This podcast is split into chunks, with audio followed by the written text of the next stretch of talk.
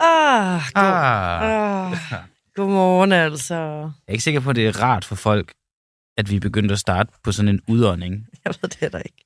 Skriv i kommentarsporet på Facebook, om det er rart, at vi begynder at starte på en udånding. Eller lad være, for jeg kan godt frygte, at folk de bliver rigtig grove. Nu lytter du til øh, ikke sådan noget breathing therapy, men en uafhængig morgen. Øh, Danmarks eneste uafhængige morgenprogram. Ja. Øh, I dag der skal vi øh, alt muligt, ligesom vi også skulle i går, og vi også skal i morgen, men det er alt muligt i Ah. dag er... Skal hele tiden et eller andet. Ja, det er Simon Emil Amitsbøl Bille. Han er med. Han er med i Om dag. hans nye bog. Ah ja, den har der jo været meget snak om. Det har der, og vi fortsætter den snak. ja. Så skal vi prøve at få en eller anden form for overblik over, hvad der sker i, i verden. Form, en form for nyhedsoverblik. Det lyder ikke særlig sexet, men det er meget vigtigt. Og det er en stor verden. Så skal vi tale lidt om Jon Steffensen igen jo. Hmm. Og så fortsætter du ligesom din jagt. Øh, Ja, på at finde ud af, hvad det er, øh, det her hemmelige, der skulle ligge til grund for den nye vurdering af Putins motiver og interesser, eller ny vurdering, det er måske så meget sagt, men i hvert fald den nye, væsentligt skarpere retorik fra statsministerens øh, side, det prøver vi at finde ud af. Jeg snakker med tidligere chef for øh, Forsvars efterretningstjeneste, Jakob Korsbo. Det er klokken 57, vi har ham med. ja, så får vi øh, altså også besøg fra Liberal Alliance. Et telefonisk besøg, godt nok. Øh, Mhm. Men, men øh, udover om det er godt, at vi starter på en udordning, så husk lige, at I kan melde ind i løbet øh, af hele morgen på Facebook om det, I hører eller ser, eller hvad, hvad det nu kunne være. Oplever. Vi prøver at få så mange af jeres kommentarer med, og input og spørgsmål og så videre og så videre, men øhm, hold jer ikke tilbage. Kunne sgu ikke lige ramme knappen. Nå, vi starter øh, et sted, hvor vi også befandt os i går. Øh, vi skal nemlig til nyt om øh, Moderaternes kulturordfører, øh, Jon Steffensen. Øh, han har jo været omgivet af, af drama i den seneste tid. Øh, der har været sager om forfalskning af en underskrift. Der har været en, en jurysag, øh, som Jon har rejst mod Avenue T's direktør Henning Dyremose. Jeg kunne blive ved, og jeg fik egentlig det meste af gennemgangen øh, i går. I Jyllandsposten, de kunne så i tirsdags beskrive, hvordan Moderaternes Jon Steffensen i sin øh, fyring fra, øh, inden sin fyring fra teateret Avenue T, havde hovedrollen øh, i en sag om to ødelagte malerier, der kan ende med at koste teateret rigtig, rigtig dyrt. Omkring en halv million kroner faktisk. Mm, altså, det er jo mange til at penge. Koste. Når det er, at man tager nogle malerier ned fra væggen på en forkert måde. Ja. Øhm, vi har her en uafhængig morgen kunstneren bag billederne med. Velkommen til dig, Anna Allan Bestel. Er det sådan, man siger det? Bestel. Godmorgen. Jeg tror ikke, du har udtalt hans efternavn rigtigt, for han er ikke Allan. klar over det, ham vi taler til. Allan! Allan! Vi kan Ja, høre. goddag. Godmorgen. Goddag, Godmorgen, godmorgen. Allan. Øh, Allan, er det Allan Bestel? Er det sådan, man siger det? Allan Bestle. Bestle, okay. Mm. Nå, Allan, Bestle, ja. vil du ikke lige prøve at beskrive, hvad der er sket med de her billeder, som du øh, har udlånt til Avenue T, og hvordan de har taget skade? Jo, det kan jeg godt. Øh, altså, det, der er sket, det er, at øh, øh, hvad hedder det, udlånet, det er, det er sket i, øh, øh, på en sommerferie øh, på øh, Anholdt øh, i sommeren øh, 2020, øh, hvor jeg møder telefon, øh, hvad hedder det, Jon Steffensen øh, tilfældigt. Øh, hvad hedder det, øh, Undskyld, øh, går jeg igennem her? Ja, ja, ja, vi, kan lytter høre dig. bare. Vi, lytter, vi, vi er bare interesseret. Hallo? Ja, hallo? Jamen, ah, Allan. Det er ikke rigtigt, det her. Nej, Allan!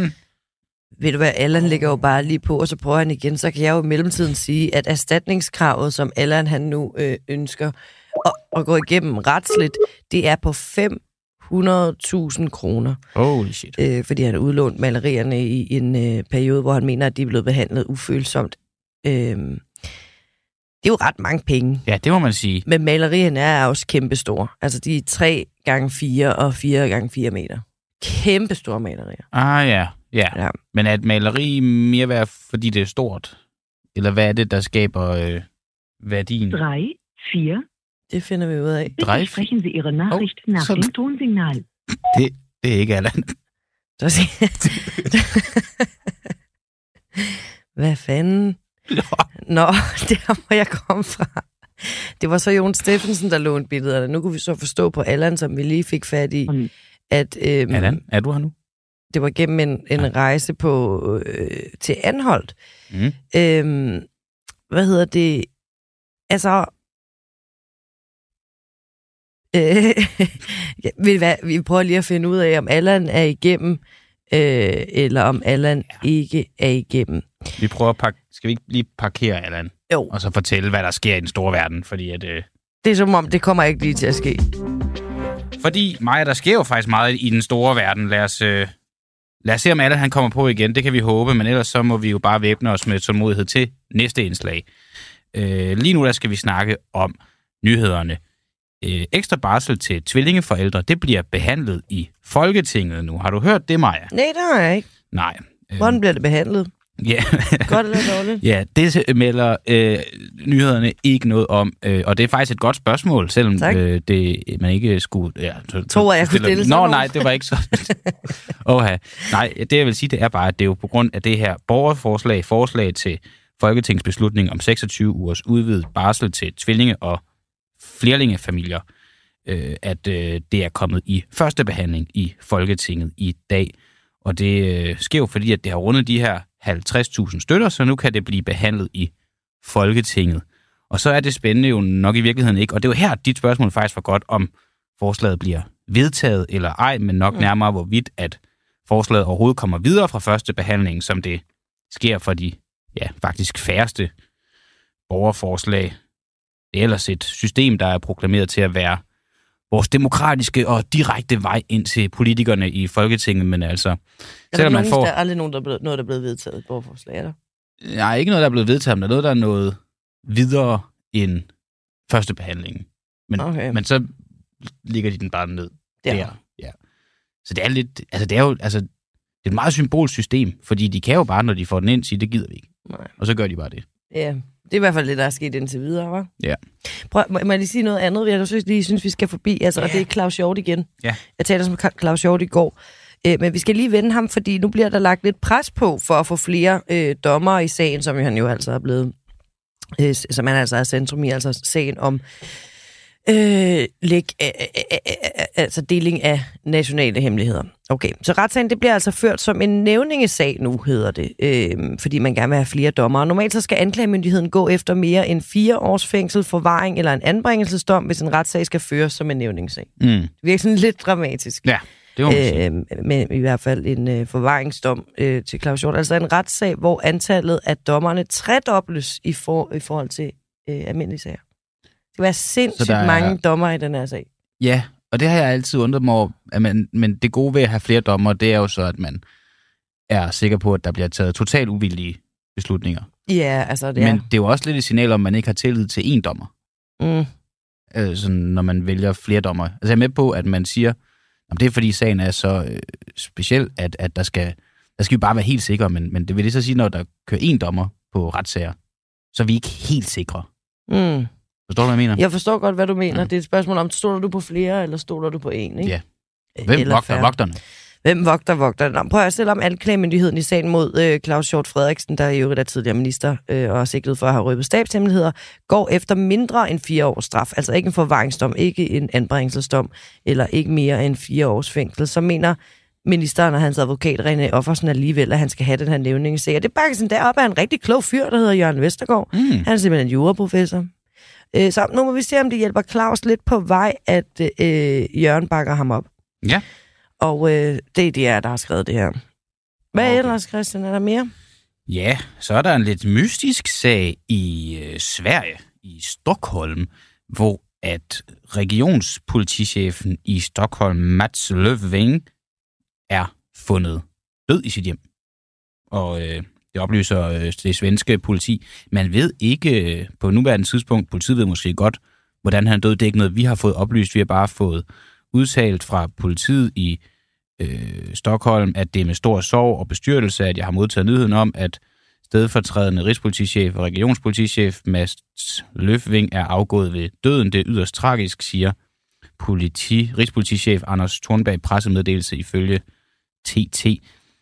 Øhm, og svensk politi, som de melder ud lige nu i hvert fald, ved ikke, hvorfor han er død. Og Okay. øh, de forsøger at, at klarlægge sagen. Og det er jo mystisk en 61-årig mand, som er højstående politibetjent, bare falder død om. Mm-hmm. Nå, Finn Rudajski, som er forperson i Dansk Folkeparti i Københavns Kommune, svarer på spørgsmål til Dansk Folkepartis kommende forslag om, at vi i København bevarer Stor Bededag som en lokal fridag. Det skal vi til at høre nu her. Men på Facebook, der har Finn allerede skrevet, at interviewet bliver sendt på frihedsbrevet. Mm. Øh, det har vi nu ikke øh, øh, altså, aftalt, at han skulle skrive, men øh, nu kommer det altså, Finn. Nå, i et tidligere forslag, øh, opslag, det er meget aktivt, Facebook-opslag, Facebook bruger ja. det her, øh, Finn øh, Rudajski. Der skriver han, at han forestiller sig, at vi i hovedstaden holder skolefri, samt giver fri til alle kommunalt ansatte med øh, hensynstagen til retssikkerhed som behandling af syge. Men mere hvis de partier, der siger, at det vil bevare stor bededag, virkelig mener det, så bliver mit og Dansk Folkepartis forslag vedtaget. Hvordan tror du, det ender, spørger han. Til, til læseren af hans Facebook-opslag. Men altså, man kan med rette spørge Finn, hvordan han selv tror, det ender, mm. fordi det viser sig, at der ikke er særlig mange detaljer omkring forslaget, som Finn og DF helt øh, har styr på. Altså for eksempel, hvad kommer det til at koste at love mellem 20.000 og 25.000 kø- københavnere fri på en lokal fridag? Hvor skal pengene komme fra? Where should the Øh, money, money come from? Og er det øh, kommunen eller statskassen, der money should come from? Ja. Og hvad med praktikken? Og alt muligt. Man kan blive ved. Det lyder det ikke helt som om, de har taget stilling til. Prøv lige at høre Sofie Frøk her tale med Finn Rudajski her.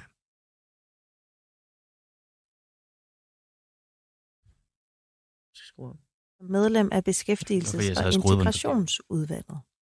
Og vil du ikke starte med at forklare, hvad er det, jeres forslag går ud på, og hvorfor synes I, det er en god idé? Ja, for det første, så synes vi jo, at øh, det er et øh, kulturfjendsk øh, idé at fjerne stor bededag i det hele taget. Men øh, derudover, så, da vi ser, at det, det antageligt bliver vedtaget i Folketinget at afskaffe helligdagen, så har jeg set på, at øh, der faktisk er 26 procent af samtlige konfirmander og konfirmationer, der bliver afholdt på et år, de bliver afholdt netop på stor bededag. Og øh, jeg kan ligesom også fornemme, at der er en stor interesse øh, fra forældre og også fra børn for selvfølgelig at holde fri fra skolerne på den dag.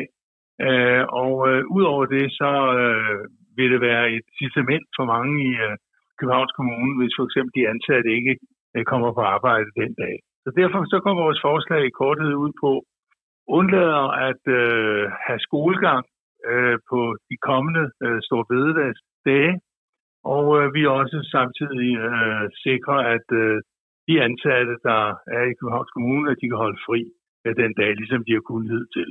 Øh, og så vil vi selvfølgelig sikre, at øh, der naturligvis er alle de nødfunktioner, der skal være i form af sikker, sikkerhed og øh, varetagelse af de syges øh, interesser. Så det er sådan set det, det går ud på. Har I lavet et slag på tasken eller regnet på, hvor mange kommunalt ansatte det så er, øh, der skal have fri på den dag fremover? Jamen, jeg vil, jeg vil anslå, at det, det, det bliver måske en øh, 20-25.000. Øh, det er sådan øh, et, et skud på tasken, ikke? Øh, hvad kommer det til at koste i kroner og øre for Københavns Kommunekasse? Ja, men så langt er vi slet ikke kommet nu. Altså, nu skal vi først lige sige, at vi har en, en principiel tilslutning til det, og så skal vi have det i et udvalg, og så skal vi selvfølgelig undersøge og finde ud af konsekvenserne. Så det har jeg ikke svaret på lige her og nu. Okay, så du Øh, har, I har ikke nogen idé om, hvor dyrt det kan gå hen og blive? Nej, det har, det har vi slet ikke. Altså, det, det, har, det, har, det, kan, det, det kan jeg slet ikke sige noget om nu. Altså, hensigten med det forslag, vi stiller, det er jo at få det undersøgt. Dels for at høre, om der er en stemning for at, at, at have det på den måde. Øh, og det andet er selvfølgelig samtidig at finde ud af, jamen, hvad koster det egentlig i kommunen? Og hvis det koster nogle penge, så skal vi jo forholde os til det. Og det, det er med vilje, vi stiller det på den måde, fordi vi kan ikke bare stemme øh, hen i vejret, uden at vide, hvilke konsekvenser det vil få. Det skal vi naturligvis vide, fordi så er det også et, det, der hedder et budgetspørgsmål, nemlig at der skal skaffes penge til det. Okay, så lad os prøve at gå lidt videre, fordi jeg har lagt mærke til, at du har jo skrevet om det her forslag i øh, fremsætter i næste uge, at der er flere i kommentarsporet, der synes, at det kan godt blive noget råd, hvis man indfører de her lokale fridage fra kommune til kommune. Øh, Jeg har selv tænkt, der er jo mange mennesker, der pendler frem og tilbage fra København, som enten bor i en anden kommune, i en anden kommune og arbejder her i København, eller omvendt, som bor i København og arbejder uden for kommunegrænsen. Kan det ikke øh, komme til at besværliggøre de her menneskers hverdag temmelig meget, hvis der gælder forskellige regler for fridage på tværs af kommunegrænser? Altså, øh, jeg, vil, jeg, vil, jeg vil godt indrømme, at vi har jo ikke været alle detaljerne og alle eksemplerne igennem. Så det vil jeg ikke kunne svare dig på øh, ret nøjagtigt. Jeg vil kun sige, at det her det er et ønske, det er et overordnet ønske om at øh, få fri, en lokal fridag, og det er det, vi undersøger. Øh, og der vil selvfølgelig være ulemper, og der vil være rigtig mange fordele, og det er det, som vi skal gå igennem og undersøge. Men jeg kan ikke svare dig specifikt på, øh, hvad enkelte pendlers øh, problemer vil være, øh, helt nøjagtigt, hvordan det løses. Men det skal vi gøre i det udvalg, som skal undersøge de her ting. Hvis vi så kigger på det mere generelt, synes du, det er hensigtsmæssigt, hvis Danmarkskortet bliver sådan et øhm, patchwork af forskellige lokale fridage, som I jo kan være med til at sætte præcedens for med sådan et forslag som det her? Jamen, det, nej, det, er jo ikke, det er jo ikke hensigtsmæssigt. Det har du fuldstændig ret i. Men det, det uhensigtsmæssige i det hele, det kommer jo i, at der er et, et øh, meget snævert flertal i Folketinget, som ønsker at afskaffe øh, Stor Bødedag, til trods for at langt den overvejende del af den danske befolkning ikke ønsker det. Det er jo der problemet, og det uhensigtsmæssige øh, starter. Så det, øh, det, det, det er ligesom, øh, vi tager forsøger bare at afbøde de virkninger øh, en lille smule ude omkring. Hvis nu det her det går igennem, åbner Dansk Folkepartis forslag så op for, at der også kan indføres andre lokale fridage i kommunen? Som for eksempel i forbindelse med fejring af muslimske eller jødiske højtider? Altså det her, det er et isoleret forslag, som går på relationen til Stor Bødedag, og vi har ikke andre øh, planer end øh, at få øh, løst det her til glæde for, for de borgere, der bor i København, som er der, hvor vi har indflydelse på det. Men i princippet kunne det sætte gang i den bevægelse, ikke? Hvis nu der var flertal for at indføre en lokal fridag i forbindelse med ramadanen, for eksempel. Jamen, vi har ikke, øh, vi har ikke nogen øh, andre planer end det øh, forslag, som vi stiller her nu. Så det kan jeg ikke svare dig på, om der er andre, der har det. Nej, hvad tænker du om den præcedens, det kan være med til at, sætte? Jamen, jeg er slet ikke sikker på, at det bliver sat nogen præcedens. Det er jo det er nogle praktiske løsninger, som, som København øh, i givet fald øh, vil indføre til glæde for eksempelvis dem, som gerne vil øh, blive konfirmeret, eksempelvis for de børn, som øh, gerne vil have fri fra skole, som gerne vil tage deres, sammen med deres forældre øh, på en forlænget weekend, og mange andre positive ting, som kan siges. Men øh, jeg kan ikke øh, tage stilling til øh, en, øh, en præcedens, øh, som, som, som jo kun vil komme i det tilfælde, at der kommer nogle andre forslag. Dem kender jeg altså ikke. Christian, prøv at forestille dig det her. Ja. Der sidder to toppolitikere i en lille to-personers bil. Mm. Det er ikke en joke, jeg er i gang med. Okay. Øhm, den her bil er en Porsche Cayman. Den ved jeg ikke, hvordan den ser ud. Nej, det ved jeg heller ikke. Nu kan jeg ikke se helt Nej, for men mig prøv at en, en lille bitte bil. Ja. Og de her to mennesker, de er to topministre, det er sent om aftenen, det er også lidt koldt, fordi det er december 2017, og den her lille bitte Porsche, som vi ikke ved, hvordan ser ud, den kører fra Marienborg mod København. Ja. De to mænd i bilen, de sidder og synger, eller skråler faktisk. De er fulde. De, sk- eller det ved jeg faktisk ikke, men de Mm. skråler It's the final countdown. Kender du den? Ja. It's the Final countdown. De har nemlig truffet en afgørende beslutning om at øh, trække deres parti ud af regeringen. Deres parti er Liberal Alliance. De forlader VLAG-regeringen.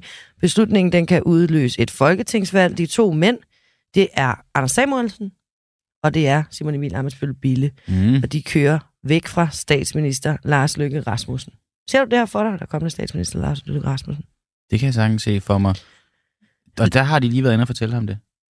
De Nej, nej, det der er det de besluttet. Okay, der har de lige besluttet det. Okay. Partiets storsponsor Lars Seier Christensen, han, altså Liberal Alliances storsponsor Lars ja. Seier Christensen fra Saxo Bank, han inviterer så her øh, den her aften de to LA-spidser til et møde for at tale situationen igennem. Det er kun Anders Samuelsen, der siger ja, fordi øh, Simon Emil Amitsbøl, øh, Han kan ikke mere, skriver han faktisk. Nu har vi igen siddet og gjort os til grin over for landets mest erfarne politikere, og så skal vi tage en runde til. Jeg springer over nok en dumhed fra min side, fordi kort efter er Anders vendt på en tallerken, og eller de bliver oh. altså i regeringen. Oh. Og, og, og ikke længe, øh, lang tid efter den her scene, øh, der indkalder Anders Samuelsen til pressemøde, øh, kravler ned fra træet, øh, som man altså kravler ret højt, højt op i, dropper truslen om ikke at stemme på finansloven, og bliver altså øh, i regeringen og siger, at øh, Liberale Alliance måske har været lidt for hurtige, eller i hvert fald fejlet i kampen. Simon Emil Amitsbøl deltager ikke i pressemødet, selvom han bliver opfordret til det. Han skriver, jeg vil have foretrukket at forlade regeringen. Godmorgen, Simon Emil Amitsbøl Bille. Godmorgen. Den her scene, den er fra din nye bog Insider, øh, der udkommer øh, i den her uge, og som virkelig fylder øh, i mediebilledet. Ja, i tirsdags. Den fylder godt nok øh, øh, i medierne lige nu. Det må du være meget glad for. Ja, ja, det er faktisk nærmest noget overrasket, ikke altså over, at det fylder så meget, men det er da positivt, at der er interesse for bogen, som jo øh, allerede blev trykt i anden oplag på udgivningsdagen. Ja, tillykke øh, med det. Jo, tak. Øh, men det, jeg havde da også håbet på, at det ville være interesse, fordi øh, jeg har jo skrevet den, fordi jeg gerne vil have folk øh, læser den. Ja. Og øh, ja, og jeg håber da, at det kan give noget indsigt i, hvordan at, øh, at det gik, da det gik rigtig galt for det borgerlige Danmark. Også mm. fordi, at det er jo sikkert pinligt opmærksom på, at det betyder jo rigtig meget stadigvæk i, i dansk politik. Øh, jeg tror aldrig, vi har fået Moderaterne, Danmarks Demokrater en bred regering over midten, hvis ikke øh, den her periode havde udfoldet sig, som den havde. Og jeg tror heller aldrig, at mit eget gamle parti, Liberal Alliance, øh, ville have været så utrolig, øh, kan man sige, pragmatisk, når det kommer til samarbejdsrelationer med andre, mm. hvis ikke det var fordi, de skulle spejle sig i den fortid, som vi andre øh, repræsenterer. Ja, og altså, det, man kan også sige, sådan som jeg forstår øh, udlægget af bogen, altså så er det en beretning om dansk politik i de her år, øh, som skal give et indblik i den borgerlige kollaps, øh, som øh, mange i hvert fald taler om. Ja, ja, ja, jeg valgte ja, den her... Og det er, ja. Meget, ja. Ja, det er bare for at sige, og det er jo meget det, som jeg selvfølgelig ser. Jeg er jo ikke inde i alle rum, og der er også, jeg skriver også i foråret, der er nogle sager, som fyldt meget i offentligheden i den her periode, mm. som ikke fylder meget i bogen, fordi jeg ikke nødvendigvis var involveret lige i de sager. Nej, men så lad os snakke lidt om dig. Jeg føler mig nemlig også draget til at spørge dig øh, om noget, øh, og det var også grund til, at jeg valgte den her scene, øh, hvor øh, Anders Samuelsen vender på en tallerken efter en, øh, en, en ellers øh, ret øh, kontroversiel beslutning, som jeg trukket, truffet om at forlade Liberal Alliance efter at han... Forlade regeringen, dog. Ja, undskyld, ja, undskyld. Forlade regeringen. Mm. Ej, det, det var lige øh, skruet højt nok op. Øhm, hvad hedder det? Den her scene, hvor du øh, i øvrigt også insinuerer lidt, at Lars Seier har overbevist Anders Samuelsen om at blive regeringen. Men det ved jeg godt, du ikke er helt sikker på, fordi du ikke var der. Du skriver, du har lyst, du havde foretrukket at forlade regeringen, Simon Emil Amitsbøl Bille. Som det, jeg føler mig travet til at spørge dig om. Hvorfor er det egentlig, at du ikke trækker dig fra regeringen øh, helt personligt, øh, når nu øh, det ser ud til at gå i en retning, du ikke er interesseret i? Hvorfor trækker du dig ikke? Jamen, det er også øh, noget, jeg har tænkt øh, over mange gange, og jeg tror også, at jeg øh, skriver i bogen, at jeg faktisk tilbyder øh, Anders Samuelsen øh, et utal af gange at øh, forlade regeringen øh, og forlade posten som øh, økonomi- og indrigsminister. Ja, og det skal øh, han så bestemme. Hvorfor gør du det ikke bare selv? Jamen, det, det kan man jo også i bagklogskabens ved i klare lys sige, men jeg var sådan set øh, bange for, hvad det ville betyde for partiet. Mm. Øh, på det her tidspunkt øh, er jeg jo bange nok for, eller bekymret nok for, at øh, partiet risikerer øh, ikke at have mulighed for at komme igen, fordi vi bliver siddende i den her regering, mm. øh, hvor vi jo lidt er til grin over for de andre. Vi har ikke rigtig nogen politisk kapital tilbage. Vores medlemmer, som vi skal komme tilbage til øh, lige efter nytår, det her det er sådan op til jul, øh, de synes jo for nu at være ærlige, at vi er et par idioter, der har kørt partiet i seng, mm. og nu skal vi bare sidde der og lade som, at alt er, som det plejer. Mm-hmm. Men Anders, øh, øh, kan du sige, insisterer og appellerer til, at, øh, at jeg fortsat øh, sidder øh, i regeringen, sidder i de centrale øh, udvalg og sørger for, at øh, Liberale Alliance øh, stadig, hvis man ser bort fra topskatten, jo får øh, øh, politisk indflydelse. Og, øh, og jeg er sådan set bange for, at øh, når han nu som leder har truffet beslutninger om, at vi skal være der, det er en beslutning, jeg er imod, så er jeg sådan set bange for, hvad det betyder både for, for partiet og hans lederskab, hvis jeg er imod hans vilje øh, trækker mig. Han siger, at, at han har brug for mig til at være den, der, der koordinerer det der. Men det er svært for mig. Jeg, øh, jeg gør det igen og igen. I første omgang aftaler vi, at der er faldet lidt mere ro på. Skal jeg have en, øh, en mindre ministerpost, altså at jeg afgiver indrigs og, øh, og fortsætter alene som, som økonomi, og altså den, der skal koordinere. Øh, men da der så er gået nogle måneder, kan man sige, så, øh, så virker det så virker det sgu lidt mærkeligt, at jeg pludselig skulle ændre ministerposten, fordi så er, er en eller anden form for absurd hverdag jo begyndt at indtræffe. Men du, øh, hej Simon, du er bange for, hvad det Hej. vil øh, betyde for partiet, hvis du personligt valgte at, at trække dig ud af regeringen. Ja. Det vil så gå ud fra betyde, at du... Fordi jeg går også ud fra, at I, I jo i første omgang træffer beslutningen om at trække jer fra regeringen, fordi I tænker, at det er det, der er bedst for landet. Det er det signal, I har behov for at sende for at gavne Danmark bedst. Der prioriterer du så partiet over landet. Der tror jeg, man skal forstå, øh, hvad det vil sige at være politiker. Når man øh, er politiker øh, for et parti, så er det jo ens fulde overbevisning, at der er en, et sammenfald mellem interesserne for partiet og for Danmark. Mm. Altså, vi er jo ikke øh, bare for at sidde på ministerposter eller i Folketinget. Vi er jo, fordi vi gerne vil ændre Danmark i en bestemt retning.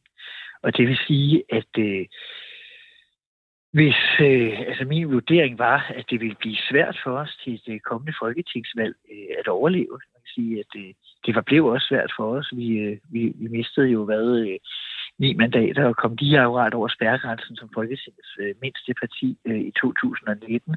Øh, Det kunne lige så godt have været gået galt. Mm. Øh, og det var det, der var min analyse, var, at hvis vi blev i den regering, så ville vi ikke have en platform for at kunne øh, genrejse Liberal Alliance. Og det ville jo, kan du sige, på den, på den lange bane være til skade for Danmark, at der ikke var nogen, der havde den øh, tilgang til politik, at, øh, at individet skulle styrkes, friheden skulle styrkes osv. osv. uden jeg skal til at lyde som politiker en gang til, fordi den øh, metier har jeg sådan set forladt.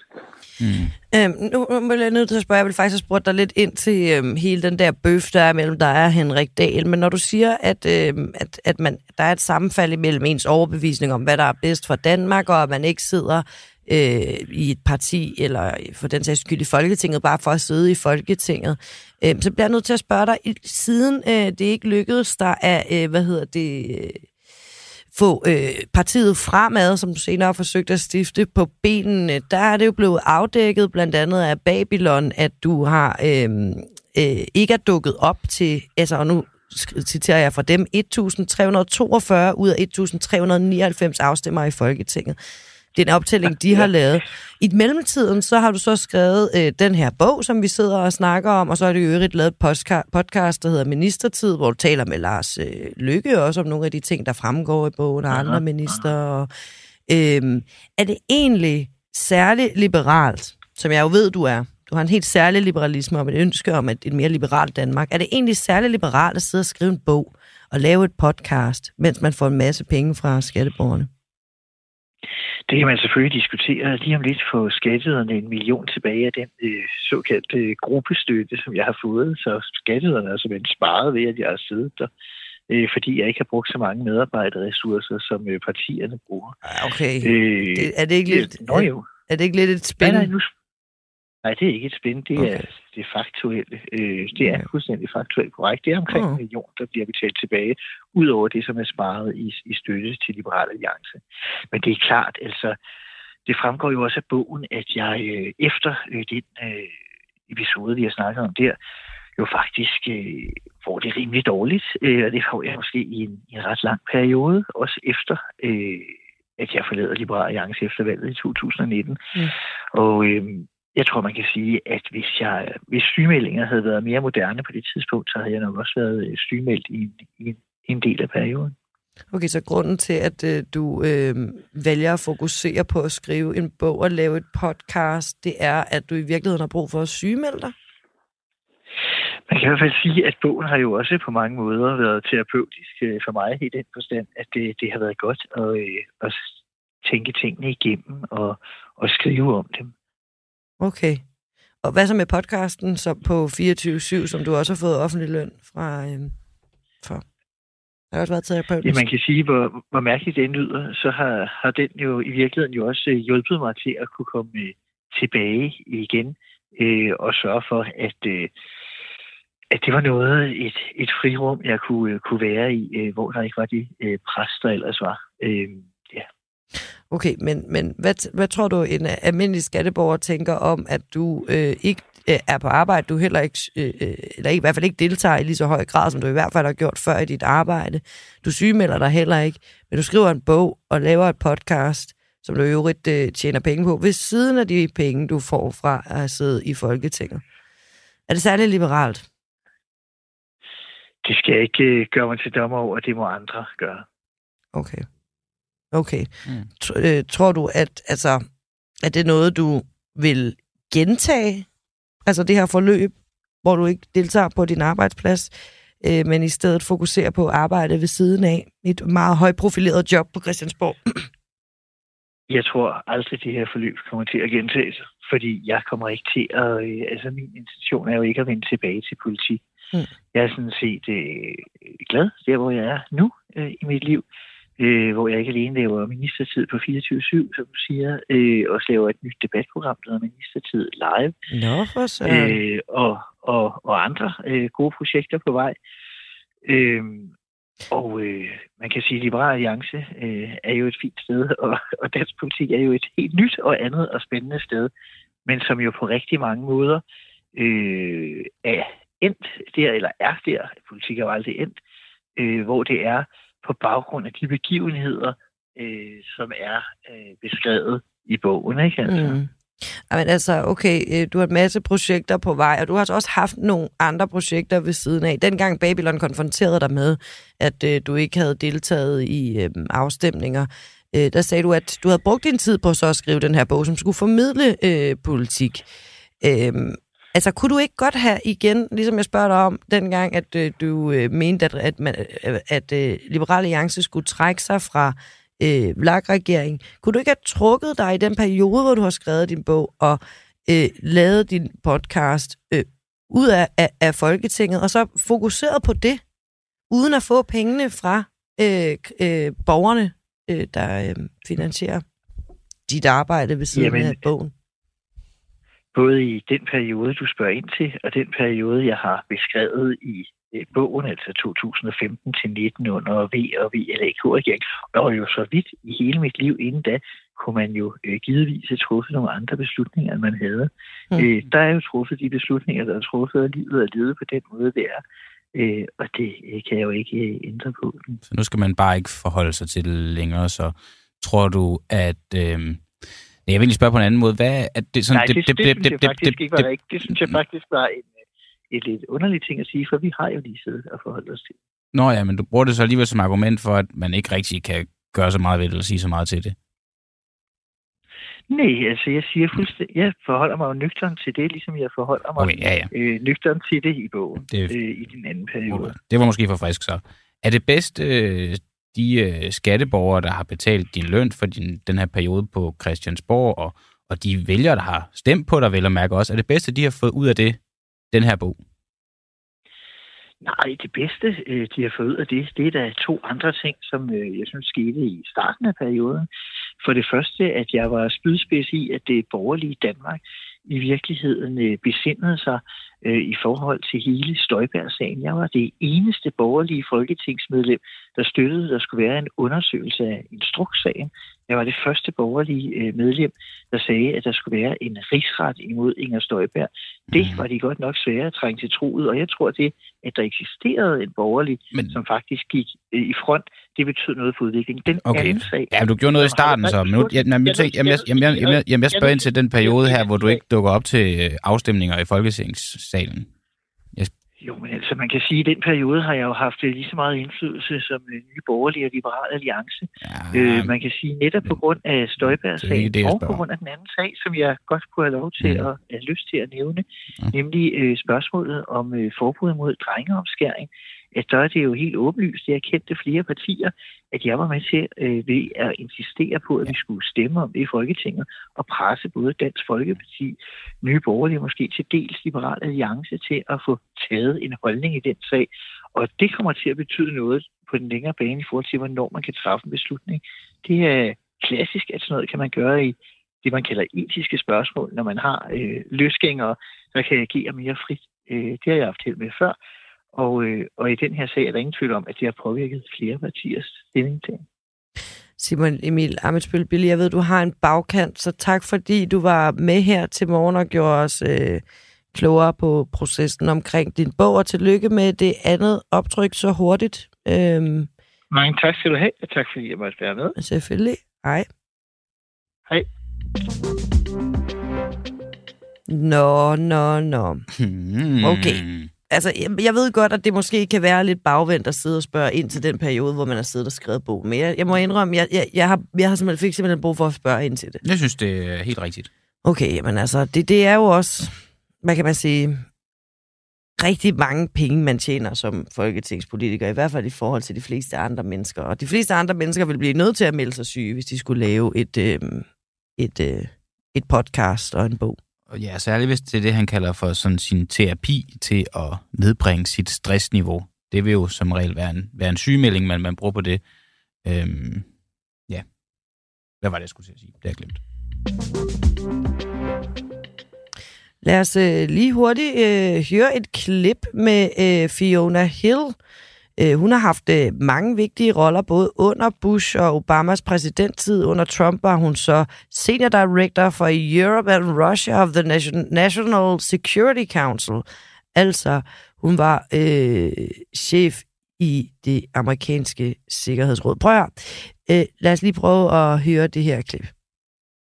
initially I did think it was the Russians. There was just you know so much about the um, whole um, you know eruption that it made me kind of think of the kind of sabotage actions that the, you know, the Soviets undertook during World War II, and that Putin's father uh, was actually engaged in during the siege of Leningrad. He talks a lot about how his father was part of a destruction battalion going behind enemy lines and getting rid of any infrastructure that the enemy could use. And there was just something about the way that Putin talked about it in his speech that made me think the Russians did this, you know, to sort of teach uh, the West a lesson and to, um, you know, basically signal that a lot of other infrastructure could be imperiled. Now, I'm not so sure. I don't believe it was the United States. And um, I'll just, you know, kind of lay out there look, if the United States had done that by now, given, you know, the, the way that the United States system works, somebody would have uh, laid claim to this. I mean, you can think about many other um, epi- episodes in which it's it's got out. The United States can be a pretty leaky sieve in terms of um, information. Some of my colleagues who have been looking at this think Ukraine could have done it, and you know it's not implausible because you know they already um, you know managed to um, have a pretty um, significant strike on the Kerch Bridge, for example. But I haven't seen any evidence. Ja, altså hvis det var USA, så ville vi have vidst det nu, siger hun, og så smider hun simpelthen også lige Ukraine med ind i, øh, i mixet. Hold da op. Nå, vi lover øh, at holde øje med sagen fremadrettet, og så må vi jo se, hvor det ender.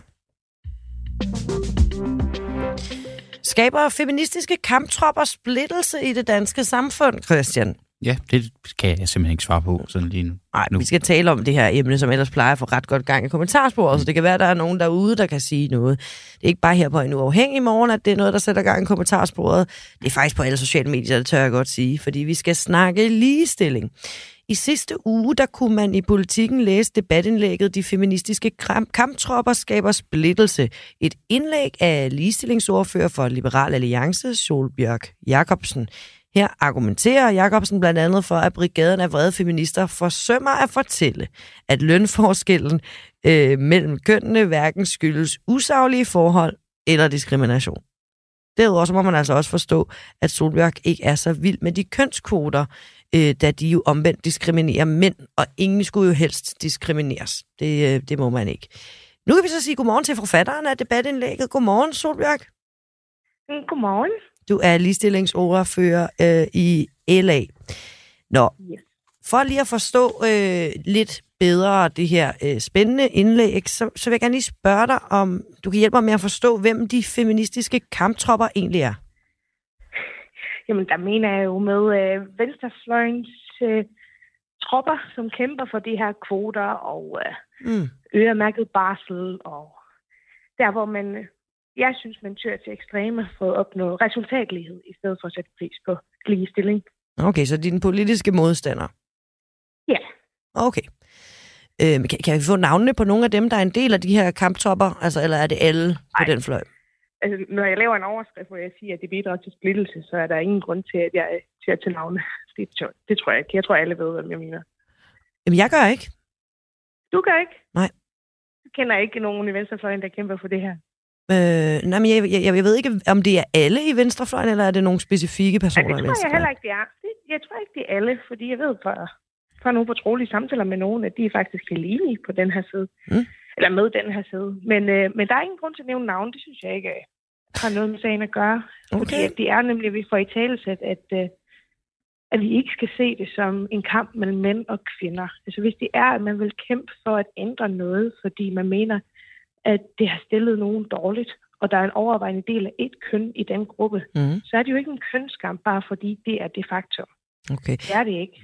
Det, altså, du efterspørger en konstruktiv debat, og derfor kan vi ikke finde ud af, om det for eksempel er, hvem det kunne være. Men, men er, det så bare lige for at genstarte den, så egentlig konstruktivt at kalde folk, man ønsker at debattere med, som øvrigt ens politiske modstandere, for feministiske kamptropper? Det kan godt være, at de ikke er det. Nu er det så ikke mellem kønnene, vi kæmpes. Der er mellem fløjene, og der er debatten måske lidt mere skarpere sat op.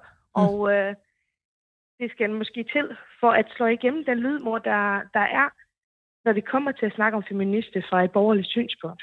Fordi Okay. det er typisk mest øh, den røde fløj, jeg synes, man hører fra. Okay. Om det er godt, vi hører fra dig nu så. Øhm, hvad hedder det? øhm, Nogle af dine øh, hovedpointer, øh, i, øh, og det, den kommer vi igennem nu her i indlægget, det er, at øh, man skal se på de gode forklaringer på øh, for eksempel lønforskelle og øh, jobs for mænd og for kvinder. Øh, Ifølge Beskæftigelsesministeriet, nu er det noget lidt andet end det, du henholder dig til i din, øh, dit indlæg, så har mænd nemmere ved at få job, end kvinder har. Og både en dansk og en amerikansk undersøgelse viser, at en mand oftere vil få en højere startløn end en kvinde i samme job. Og den pointe har vi så også lige ringet og fået bekræftet af Birte Larsen, der er Ph.D. i lektor på økonomi, i økonomi på Copenhagen Business School. Er det egentlig et Mhm. problem ifølge LA? Jamen, det er der, hvor vi siger, at mænd har i gennemsnit lettere end kvinder. Det vil ikke sige alle mænd og alle kvinder. Det er i gennemsnit. Og der Ja. synes jeg, der, det bringer jo nogle sjove øh, emner op. For eksempel det her ting med, med lønforhandling og så videre, at, at hvor man kan stadig se nogle forskelle. Fordi selvom lovgivningen har ligestillet os, så, så er det jo stadig sådan, at vi kan ikke lade som om, at mænd og kvinder er ens. Og det synes jeg, vi mangler lidt at kunne sige, uden at det er skældsord, eller uden at det er kontroversielt. Der er nogle gennemsnitlige forskelle imellem mænd og kvinder. Og Mm-hmm. det kan godt skabe nogle... Det, det er også, måske også det, der gør, at, øh, at der ikke er så mange kvinder i håndværkerbranchen som mænd. Øhm, der er der også Okay. nogle forskelle rent fysisk, så, som så gør, at de er nemmere at være mænd og lave tungt arbejde. Det vil ikke sige, at der ikke er nogen kvinder, der gør det glimrende. Det ved vi jo, der er. Men, men hele den her debat, den handler jo meget om, at vi kigger på nogle statistikker, hvor Ja. vi ser nogle forskelle gennemsnitligt, og så siger vi, at så skyldes det nok diskrimination, eller at det er synd for os kvinder, fordi vi bliver simpelthen undertrykket til et eller andet. Og Okay. sådan er det altså ikke. Men, men, jeg men, synes, altså, det er men det jeg spørger om, det jeg spørger om, det er, øh, nu er det jo gennemsnittet, og jeg, jeg, man kan jo ikke tale med alle kvinder, alle mænd i hele Danmark, så derfor så regner man det gennemsnit ud, ligesom du selv gør i din argumentation her, kan ja. jeg høre, og det er fra Beskæftigelsesministeriet, og øh, altså det viser øh, ligesom, at vi får bekræftet af en phd lektor øh, i, i økonomi på Ja. Copenhagen Bus- Business School, at øh, hvad hedder det, en mand oftere vil få en højere startløn end en kvinde i samme job, for eksempel. Øhm, Ja, de er undersøgelser, der er lavet, hvor man kun viser CV, ikke personlige henvendelser osv. okay, du kender den her undersøgelse. Det Du- kender jeg godt, at det okay. Jessica og John, tror jeg, de hedder i undersøgelsen. Ja, den kender jeg godt. I det forlængelse af det, der siger Birte Larsen, der er Ph.D. lektor i økonomi på Copenhagen Business School, at kvinder, der forhandler løn på samme måde som mænd, ikke får det samme resultat okay, af så er det. det ikke den samme undersøgelse. Okay. Nej. Men der var der kun et tv, man sendte ud. Okay. Er, er- er det et problem, at kvinder, der forhandler løn på samme måde som mænd, ikke får det samme resultat af det? Jeg synes i hvert fald, det giver anledning til, at vi snakker om det. Okay. Øhm, jeg synes, det er urimeligt at sige, at så skyldes det diskrimination eller usaglige Hvad skyldes det så, tænker Fordi det har man ikke. Men Det er jo det, som vi skal have en snak om. Det kan vi ikke have en snak om, hvis vi ikke anerkender, at der er forskel mellem mænd og kvinder. Okay. Og det synes jeg er ærgerligt, fordi jeg har mødt mange kvinder, som synes, det er svært at forhandle løn. Virkelig svært. Og det kan man heldigvis gøre noget ved. Altså, Okay. det, der er der en teknik og alt muligt, man kan lære, hvis det er der, det bunder i. Men det kræver simpelthen, at vi tør ikke tale til, at der er det her forskel. Men du tænker, at, det- men tænker du, at- det er et problem? At, at påstå, at forskellen skyldes, at, at arbejdsgiverne i Danmark simpelthen ikke vil give det samme løn til en kvinde end en mand, det synes jeg er en... øh, Altså, det er meget urimeligt påstand at gøre uden belæg, fordi det er faktisk ulovligt i Danmark. Man må ikke forskelsbehandle på baggrund af køn. Okay. Så det synes jeg, vi, vi, vi mangler at snakke åbent og ærligt om. Er der måske gennemsnitligt nogle forskel mellem mænd og kvinder? Men er det et problem, at en kvinde øh, øh, får i gennemsnit en lavere startløn end mænd, og i øvrigt, når de så forhandler på samme måde som mænd, så vil de få et andet resultat. Er det et problem, uanset hvad årsagen er? Ikke hvis, uanset hvis det er en aftale, der er indgået mellem to parter, så er det jo ikke et problem. Hvis det skyldes diskrimination, så er det et problem, og det bør anmeldes, og det er ulovligt i Danmark. Er det et problem, at kvinder gennemsnitligt får lavere løn end mænd i et, det samme job? Det har vi overhovedet ingen undersøgelser, der kan vise tilstrækkeligt nok til. Der viser faktisk langt de fleste undersøgelser, at der er lige løn for lige arbejde. Der er nogle forskel imellem, hvor meget kvinder arbejder. De arbejder færre timer. Det, øh, det tager nogle andre uddannelser. Det viser sig så at ændre sig nu, så der tror jeg også, vi kommer til at se en ændring i statistikkerne i fremtiden. Men det er en masse, masse forskellige faktorer, der spiller Mm. ind. Altså en Og, mandlig øh, læge tjener i snit, det her det er Danmarks statistik, fordi jeg bliver nødt til at, at, at, at, at være klar på, hvorfor jeg spørger dig om det. Ifølge Danmarks statistik, så tjener en mandlig læge 10% 10,5 procent mere end en kvindelig læge, og en mandlig tjener tjener i snit 8 procent mere end en kvindelig tjener. Er det et problem? Ikke hvis, altså, hvis det er konkret i en ansættelse, at der er sket diskrimination, så er det jo et problem, men det har vi bare ikke noget belæg for at sige. Jeg er Nej. uddannet jurist. Der er mændene, som har læst jura sammen med mig, de tjener også mere end mig, men de har også taget nogle andre valg, end de fleste kvinder gør. Og det Okay. er altså det er altså ikke et problem, så længe det er bevidst valg. Og der synes jeg, vi er blevet meget perverst interesseret i at kigge på det her statistikker, i stedet for at kigge på, har vi fået et samfund, hvor der er lige muligheder? Ja.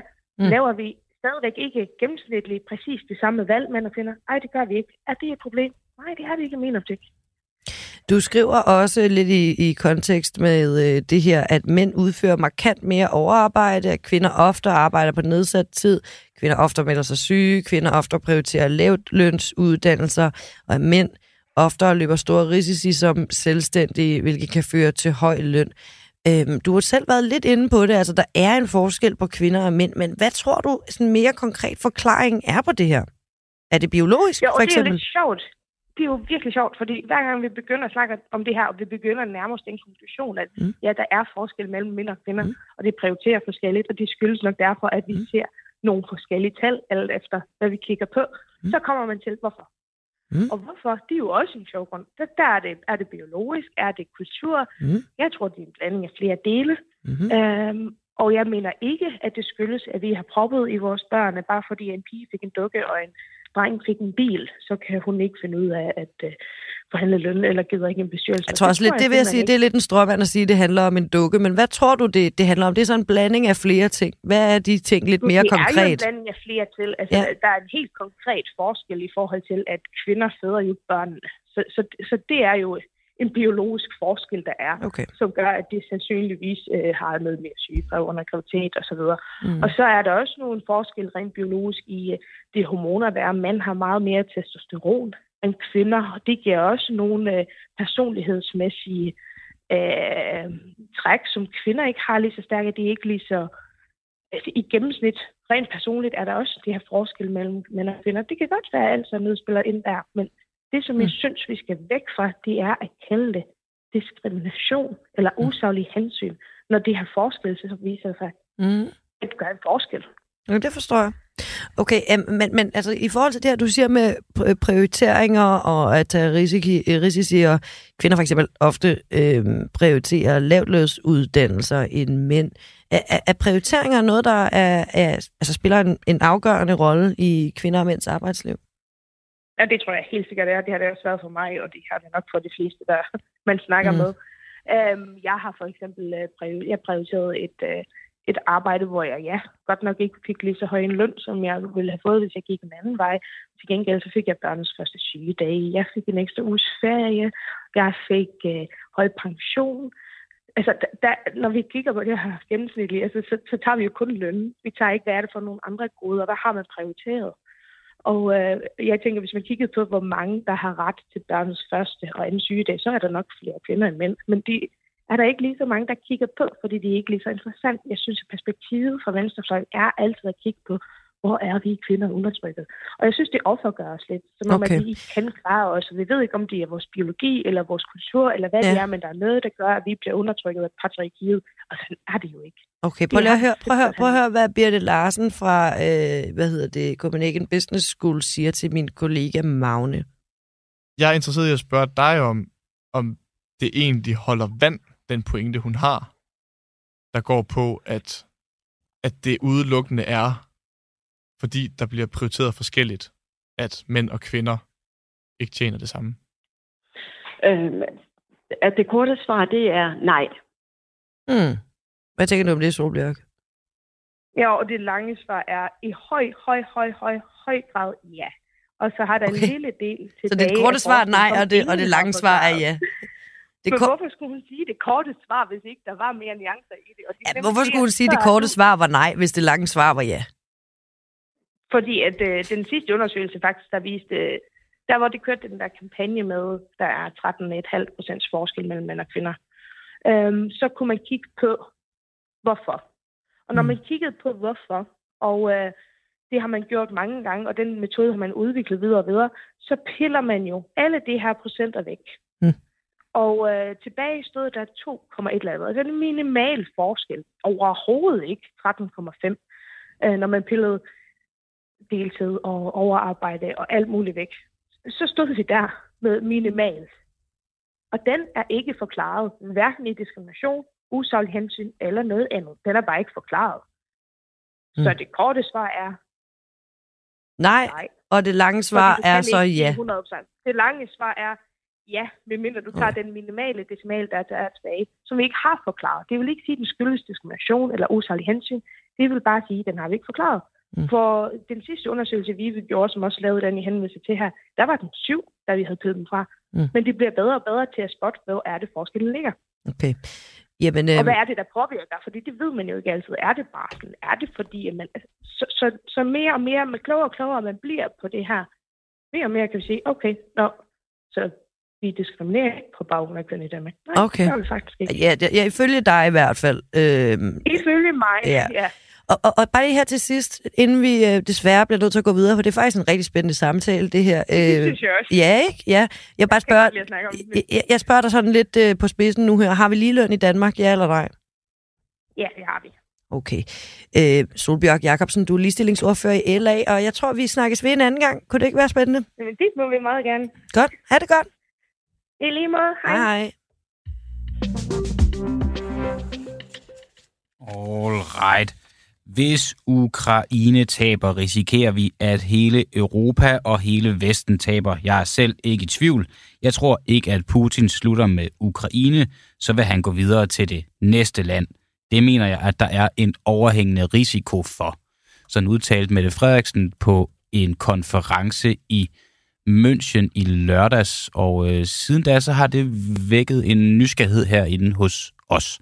Og også blandt jer øh, lyttere, kan vi forstå, i det vores redaktionslokale, hvor man kan være en del af, hvis man er medlem. Nå, den anden snak. Hvad baserer hun det her på? Er der nye oplysninger, der ligger til grund for det her? Nye fortrolige oplysninger, eller er det noget, vi bør vide? Er det bare en mavefornemmelse, hun lige slynger hurtigt ud, altså total egen analyse, eller er det en led i en eller anden skræmmekampagne? Det er øh, nogle af de mange spørgsmål, vi har prøvet at stille. Jeg har selvfølgelig prøvet at få fat i statsminister Mette Frederiksen. Det har ikke været muligt at få hende til at forholde sig til det her endnu. Øhm, Til gengæld har vi talt med Peter Have og Michael Åstrup Jensen. Michael Åstrup Jensen, der er formand for Udenrigspolitisk Nævn. Og øhm, om, undskyld, hvorvidt der sådan skulle ligge nye oplysninger til grund for den her markante udtalelse, det svarer han faktisk lidt på. Og øh, inden vi lige hører det, så vil jeg bare lige sige godmorgen til dig, Jakob Korsbo. Du er tidligere chef i Forsvarets efterretningstjeneste, og så er du lige nu øh, senioranalytiker i øh, Tænketanken Europa. Godmorgen, godmorgen. Øhm, ja, jeg vil lige have dig til at lytte med her på, fordi du ved jo noget om efterretninger og sådan noget, og jeg kunne godt tænke mig at prøve at finde ud af, om de her nye markante udtalelser, de bunder i nye fortrolige oplysninger. Jeg spurgte øh, formand for Udenrigspolitisk Nævn, som er dem, der sidder med og modtager efterretninger fra Forsvars efterretningstjeneste, om de her markante udtalelser er opstået ud fra nye fortrolige oplysninger. Han svarer sådan her, Michael Ostrup Jensen. Har I så andre oplysninger, som I baserer det her på? Jamen, det kommer jeg jo ikke nærmere ind på i betragtning af, hvad vi har sagt i forhold til Nej, man kan sige. Det hvis, hvis ikke I havde, så kunne du jo bare sige nej. Ja, og det gør jeg så ikke. Ja, det gør jeg så ikke. Har øh, Michael Ostrup Jensen fået nye fortrolige oplysninger, der ligger til grund for de her markante udtalelser, tror du? Det er, det, det er et rigtig godt spørgsmål. Altså, der er ting, der peger både for og imod. Jeg skal lige være med. Jeg nu blev jeg sat lidt øh, sent ind på jeres øh, udsendelse her. Hvad, hvad er det præcis for nogle øh, oplysninger, Ah. ah. du lige kan refreshe? Så kan Jamen, jeg... ja, oplysningerne kan jeg selvfølgelig ikke give dig, fordi dem kender jeg ikke, men udtalelsen, det er Mette Frederiksens udtalelse, der hedder, hvis Ukraine taber, risikerer vi, at hele Europa og hele Vesten taber. Jeg er selv ikke ja. i tvivl. Jeg tror ikke, at Putin slutter med Ukraine, så vil han gå videre til det næste land. Det mener jeg, der er en overhængende risiko for. Når hun er ude at sige det her, og du hører ja. det her lille snas af interviewet med Michael Åstrup, tror du så, der ligger nye fortrolige oplysninger til grund for de her udtalelser? Altså, det, det kan der gøre. Det kan også, det kan også være, der, der ikke gør, fordi man kan sige, ude i det åbne rum, der er egentlig alle mulige gode øh, øh, eksempler på, at øh, Putin jo siger det. Mm. Øh, det gjorde han senest i går på øh, det store fodboldstadion i Moskva, Luzhniki, hvor, hvor han øh, igen talte om den her genrejsning af de øh, russiske imperielle grænser. Øh, og, øh, og, og det ligger egentlig i, i hele, hele retorikken. Jeg er ret sikker på, at der er ikke nogen sådan konkrete oplysninger om, hvad kan man sige, angrebsplaner og den slags. Det tror jeg simpelthen ikke på, at det findes. Mm. Øh, fordi øh, Rusland, de er så, øh, så travlt optaget i, øh, i Ukraine, så, så, så det... Øh, men, men altså gennem hele den her, hvad kan man sige, lange, det her lange forløb, der jo har været over et år nu, ikke? Øh, der, der kan man sige, der har vi jo fået en masse øh, oplysninger øh, om det. Øh, jeg vil sige, i forhold til udenrigspolitisk nævn, så er det jo ikke, så er det jo ikke kilde øh, kritiske oplysninger, de får. Altså, de får da nogle øh, fortrolige øh, briefinger, øh, men det er jo renset for, for, for kildemateriale. Det kan godt være, at man har opsnappet nogle, øh, nogle udtalelser, et eller andet fra øh, centrale personer i Moskva på det seneste. Det kan, vi ikke, det kan vi ikke vide, men det er ikke noget, jeg vil kalde opsigtsvækkende, fordi det er det, er det helt klare billede, der, der har været af, af hvad kan man sige, Putins ambitioner og hans forestillinger om, hvad, øh, hvad Rusland øh, skal være. Så når Michael Åstrup Jensen, formand for Udenrigspolitisk Nævn, han udtaler, som han gør her, sådan lidt vævende, og noget, hvor han måske godt ved, at det får mig til at undre mig og tage hans svar mere som et ja end som et nej på, hvorvidt de har fortrolige oplysninger, så kan man for det første ikke være sikker på, at det er rigtigt, at de har et eller andet, sådan, der virkelig ligger til grund. Og om det, om, om, jeg vil gerne spørge på en anden måde, fordi det, det så får mig til at tænke, det er, er jeg nu en nyttig, nyttig idiot for en eller anden øh, kampagne, der de prøver på at køre for at få øh, danskernes opbakning til at sende flere våben igennem en sådan lidt skræmme retorik. Øh, tror du, jeg er det? Nej, det, det, det tror jeg ikke. Altså, som sagt, så øh, har Putin holdt øh, adskillige taler, hvor han sagt, øh, har sagt lige præcis øh, de her ting. Så, så der er ikke øh, nogen hverken, øh, hverken en statsminister eller eller, eller andre folketingsmedlemmer, der prøver at, at bilde nogen ind. Øh, Men hvorfor det er være, retorikken sådan- Mere privile- Ja, det undskyld. kan godt være, at de har mere privilegerede oplysninger, øh, men, øh, men i mine øjne er det nu rimelig åbenlyst øh, øh, alligevel. Men Øh, vurderer så- du, at du, vurderer du, at Putins retorik er blevet mere markant? Fordi den her retorik fra statsministeren, den her udtalelse, den er jo mærkværdig, fordi den er markant, og den er øh, mere alvorlig, end man sådan har hørt hende sige tidligere omkring vigtigheden af Ukraines sejr i den her krig. Hvorfor er hendes udtalelse mere markant nu, hvis ikke det er, fordi de har fået et eller andet at vide?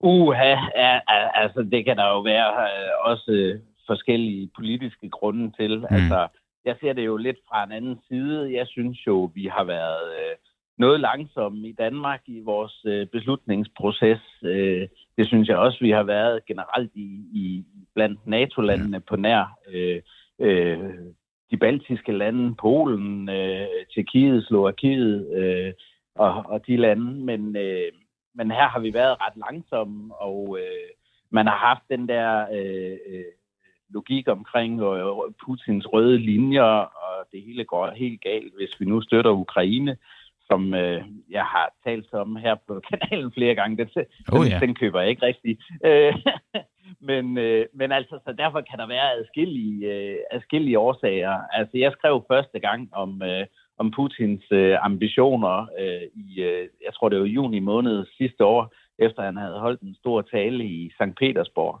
Øh, og øh, og det, det så, så, så, så man kan sige, den har egentlig stået, stået ret klart i, i, i 8-9 Mm. måneder. Øh, og, og man kan sige, allerede dengang, hvor, hvor øh, de først øh, rullede ind over grænserne øh, af fem øh, angrebsakser for at kvæle Ukraine, var der stadigvæk nogen, der, der talte om, øh, om fredsforhandlinger og Minsk 3 og, og alt sådan noget, og det var jo egentlig lidt øh, virkelighedsfjernt, hvis jeg skal være helt ærlig. Så, så, så de her ting, øh, de øh, er kommet op hen ad vejen. Om der er nye oplysninger, jeg tør ikke sige det. Jeg synes, det har været ret åbenlyst øh, hele vejen igennem. Alright. Jakob øh, Korsbo, tidligere chef i Forsvarets efterretningstjeneste. Tak fordi du var med her til morgen. Selv tak. Tak. Nu lukkede jeg ham bare ned. Øh, Maja Tækkeli, tak fordi du var med her til morgen. Tak, Christian Henriksen, og øh, selv tak. Ja, tak. Og tak til Magne Hans, fordi han var med her til morgen. Han sidder ude i regien. Lytter. Tak fordi du var med her til morgen. Tak fordi du er til. Tak for dig.